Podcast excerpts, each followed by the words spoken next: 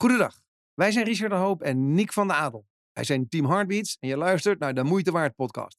Jouw leukste en meest zinvolle podcast over veranderen, veerkracht en wendbaarheid.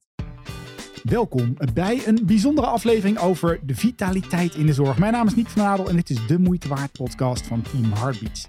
Deze week is mijn gast Emiel Kouwenhoven en hij lanceert concepten voor PGGM en Co. om vitaliteit in zorg en welzijn te boosten. Hoe word je mentaal, fysiek en financieel fit als je in een sector werkt die constant onder druk staat? Welke rol is er weggelegd voor mensen die een niet uitvoerende taak hebben in de zorg? En hoe houden we de gezondheidszorg gezond? Want we verlangen nogal wat veerkracht van mensen op de werkvloer.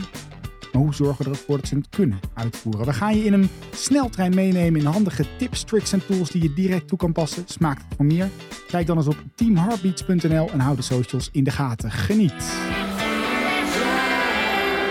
Wat is nou veerkracht? Wat zijn de zaken die jou echt boeien,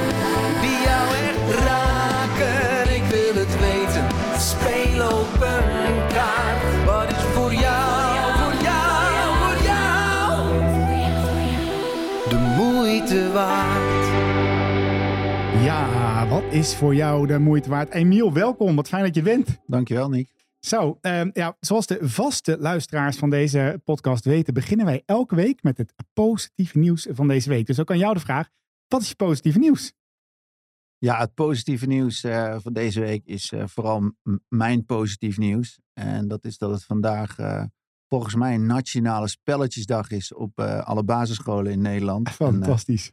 Dus eh, alle kinderen, in ieder geval mijn kinderen, die hoeven vandaag eh, helemaal niks te doen aan eh, rekenen, schrijven. maar die mogen de hele dag spelletjes spelen. En dat, ja, daar word ik heel blij van. En dat is voor mij al onwijs goed nieuws. En eigenlijk zouden we dat nationaal moeten doen. Dat we gewoon vandaag de hele dag ons werk eventjes laten liggen. En spelletjes gaan spelen. Maar helaas is dat in sommige sectoren vandaag niet, niet mogelijk. Mhm.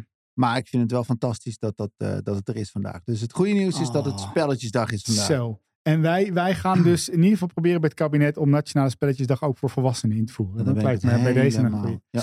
Ja, en mijn eh, eh, positieve nieuws deze week is dat ik eigenlijk net hoor dat we een hele mooie opdracht mogen vervullen binnen alle nou ja, spoedeisende hulpen, IC's, interne afdelingen die veel onder druk staan. Waarbij we bij nou ja, dagstarten en eh dagafsluiting mogen praten over ehm, hoe, hoe gaat het eigenlijk met je? Ik denk dat dat de belangrijkste vraag is die wij alleen Ja. dan maar horen te stellen als Mhm. coach of trainer. Hoe gaat het eigenlijk met je? En misschien is dat wel een hele belangrijke om überhaupt veerkrachtig in de zorg eh, te kunnen zijn. Ehm, ik heb een, een, een, een vraagje en een, een kleine, kleine inleiding voor je. Ik zat eh, dit gesprek voor te bereiden en ik zat eventjes de HRM Barometer te lezen, eh, 2021-2022. En daaruit blijkt dus ook weer dat vitaliteit de belangrijkste pilaar is voor werkgeluk eh, van zorgmedewerkers na corona. Hè, mensen hebben te maken met overwerk, onzekerheden, gezondheidsrisico's, mentale druk. Nou, eh, alleen maar bonussen geven, daar worden mensen geloof ik niet alleen gelukkiger van. Ehm, en toen hebben ze aan de HRM eh, of HR-managers gevraagd, of medewerkers gevraagd. En die zeggen eigenlijk, 62% van zegt eigenlijk dat vitaliteit, het werken aan welzijn, gezondheid, vitaliteit, het belangrijkste thema zou moeten zijn aankomend jaar. Ja. Eens?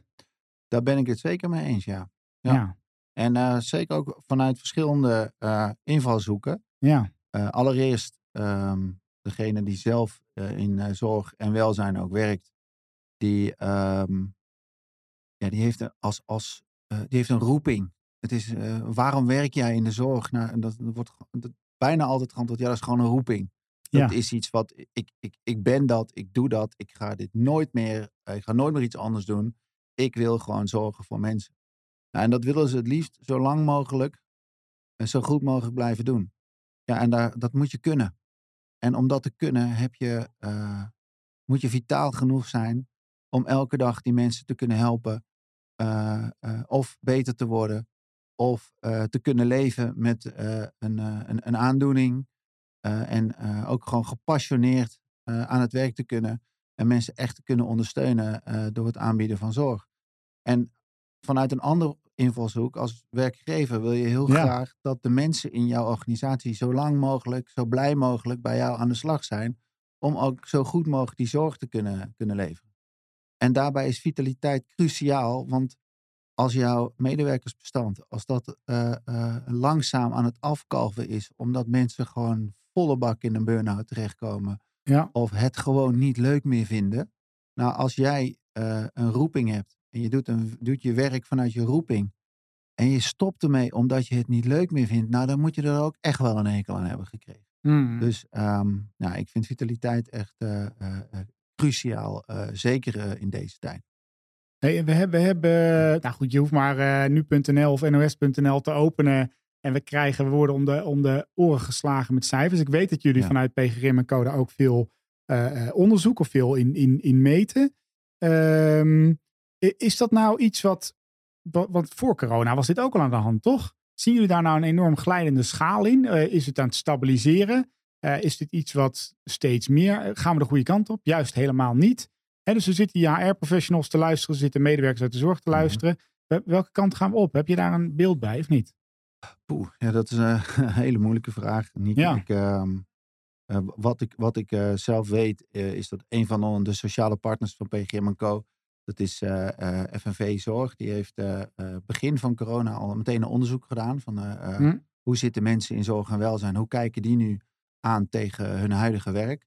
En ehm, nou, wat dan echt een grote verandering was, is dat mensen bang zijn om zelf heel erg ziek te worden. En ehm, eh, natuurlijk door maatregelen, vaccinaties, is die angst wel wat gestabiliseerd, misschien wat afgenomen. Eh, maar ehm, wat, wat we wel zien dat toegenomen is, is dat mensen bang zijn om niet tot hun 67e meer dit vol te kunnen houden, dit werk. En ehm, red ik het nog wel tot en met mijn pensioen?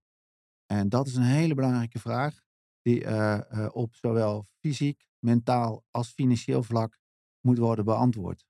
En is er dan eentje waar je dan, ook in het voorgesprek even, je noemde die drie ook steeds, hè? dus, dus eh, eh, fysiek, mentaal, financieel. Is er nou eentje die nu de grote aandacht behoeft? Is er nou eentje waar, eh, moet iemand altijd eerst beginnen met fysiek goed weer in zijn vel te zitten? Of kan het ook zijn dat iemand gewoon eh, aan zijn financiële veerkracht eerst moet werken voordat hij, is het een stappenplan of is het een, een algemeen holistisch beeld?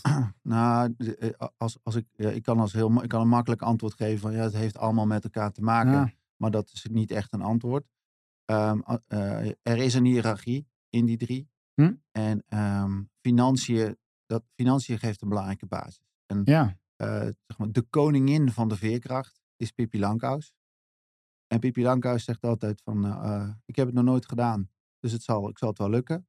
Maar Pippi Lankhuis had één ding, en dat was die bruine tas, waar die goudstukken van pa in zaten. fantastisch. En ja. als zij een keer iets moest regelen en ehm, eh, haar, haar, haar vriendjes eh, wisten ook niet meer eh, wat, wat er gedaan moest worden, dan pakte ze die tas, dan pakte ze een goudstuk en dan kocht ze eh, zichzelf uit de penarie. Dus, en dat is, een, eh, dat is een metafoor voor als mensen het financieel kunnen opbrengen, dan eh, eh, is er een bepaalde basis is dan gelegd. Dan nog is het belangrijk om niet 80 uur in de week eh, Hmm. aan het werk te zijn.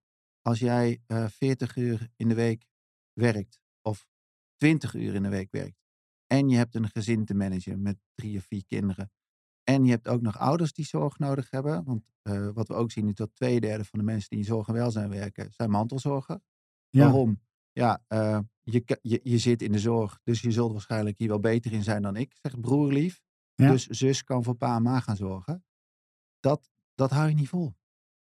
En dan kan je ook nog zoveel geld hebben, maar je houdt dit nog steeds niet vol.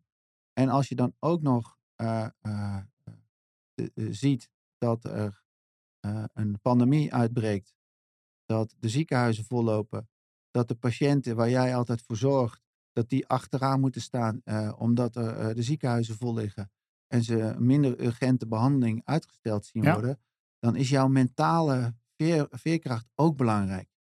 Je- Ja, je, je zal hier echt gewoon mee moeten kunnen dealen. En wat vraagt hij nou? Dus ik, ik zit naar je ik, te luisteren. Ah, en die vind ik interessant. We hebben het in deze podcast hebben het dus gehad hè, over. eh, we hebben een hele aflevering over zingeving. Hè? Dus je kan alleen maar Mhm. zin in je werk hebben als je werk je zin geeft. Zei Jos de Blok ooit Hm. in een boek wat hij schreef, eh, Zet patiënt op twee voor de zorg.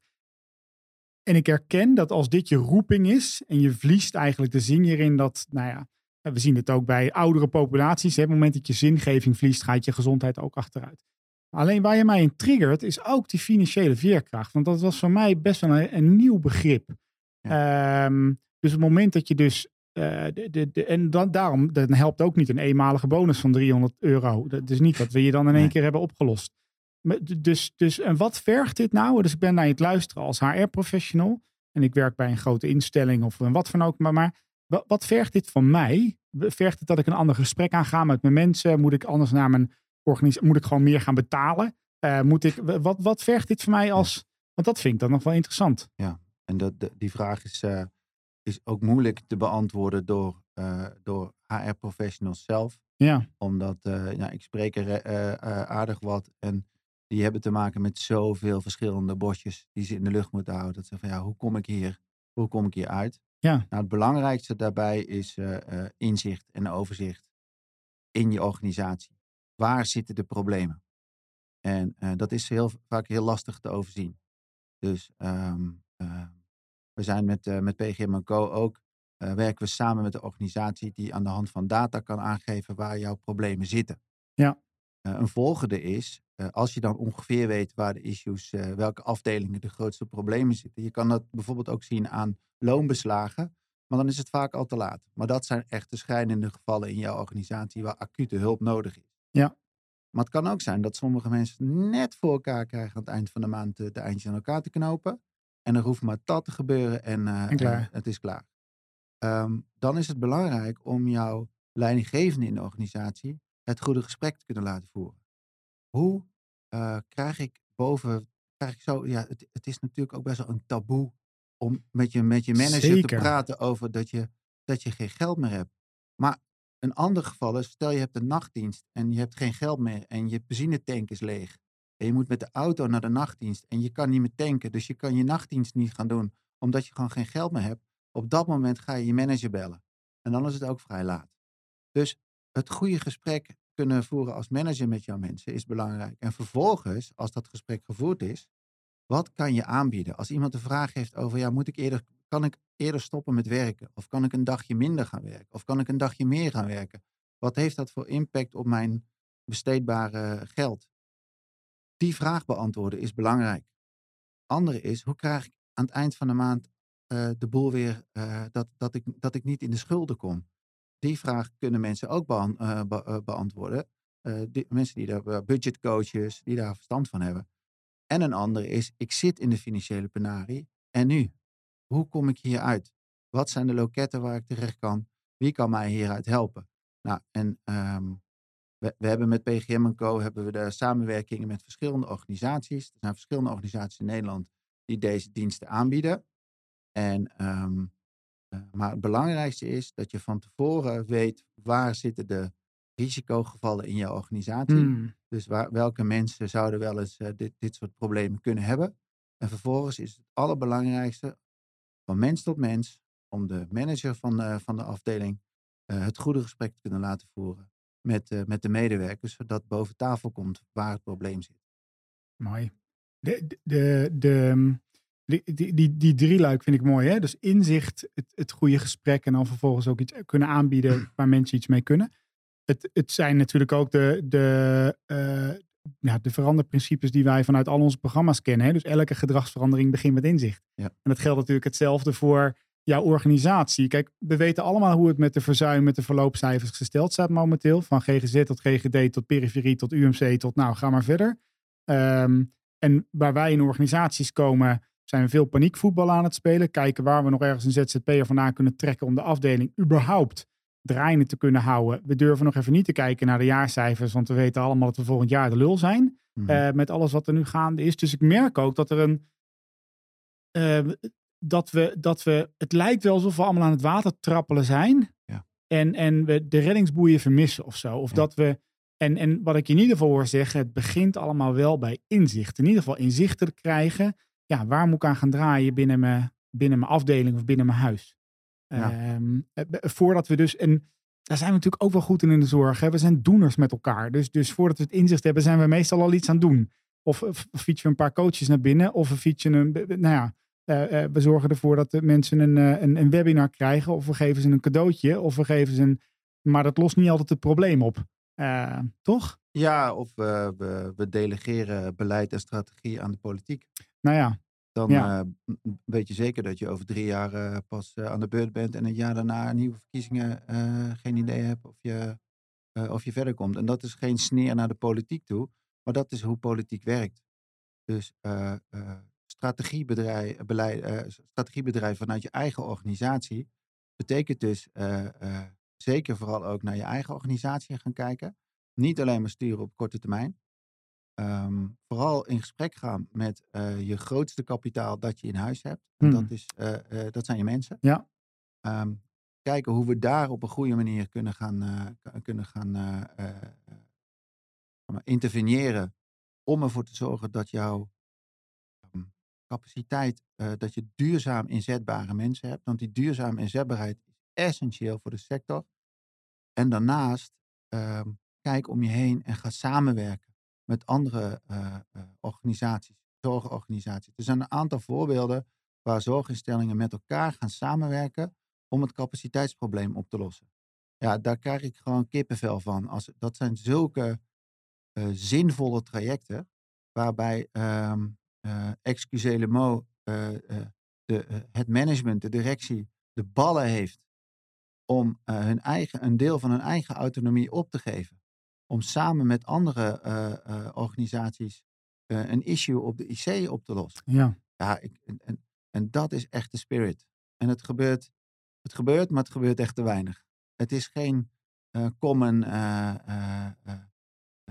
het is geen common use dat mensen dat, dat nu doen, terwijl het echt nodig is. Ja.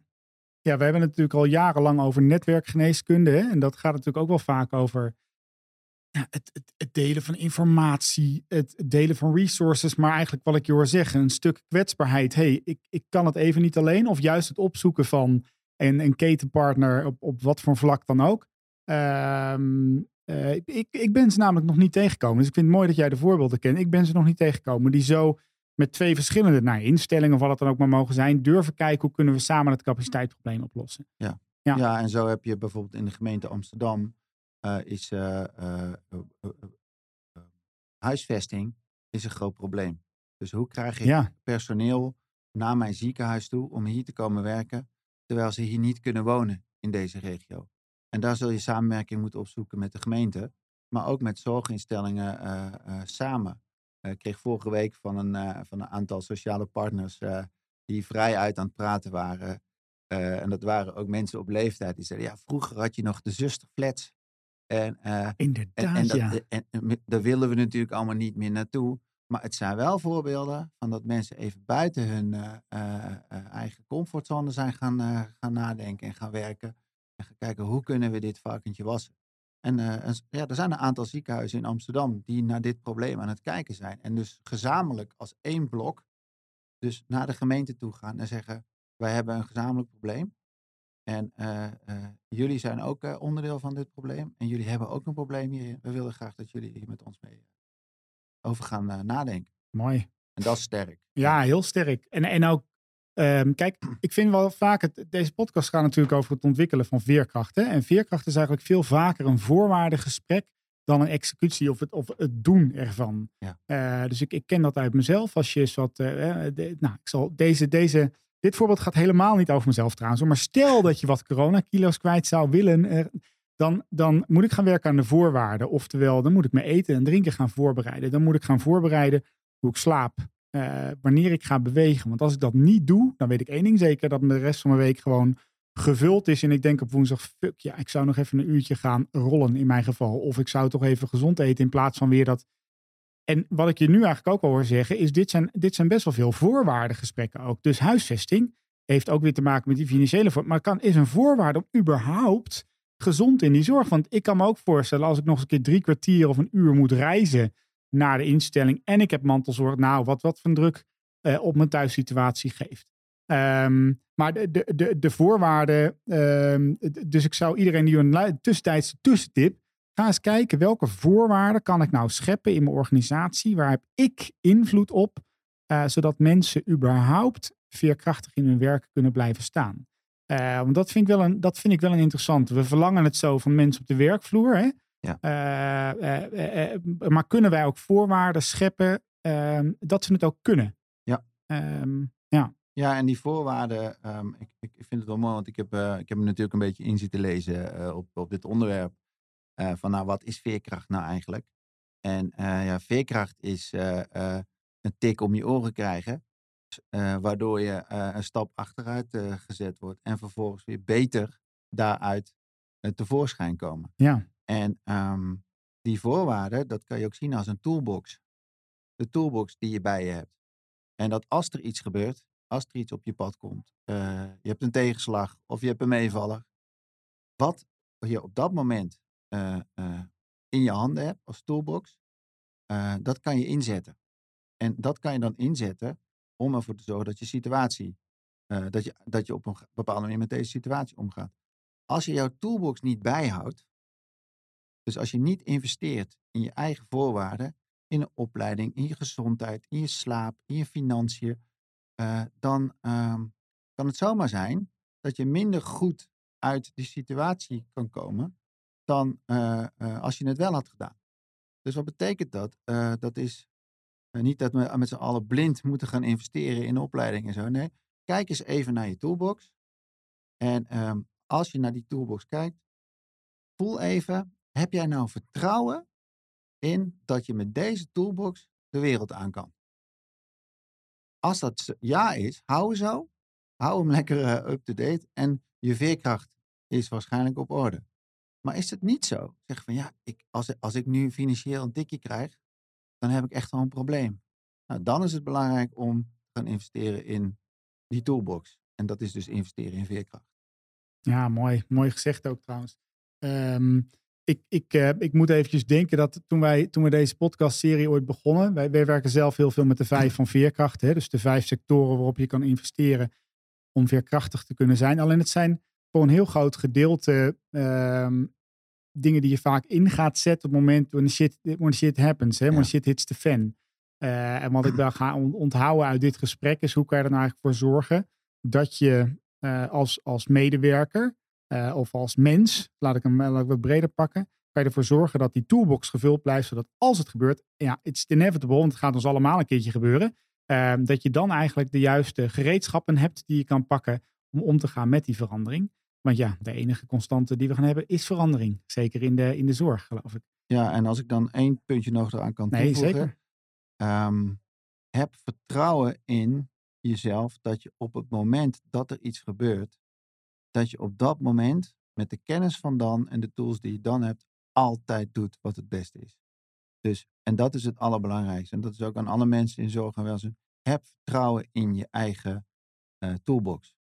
En ehm, op het moment dat het even rustig is, check je toolbox, onderhoud je toolbox even. Maak hem even schoon. En maar vervolgens heb gewoon vertrouwen in jezelf.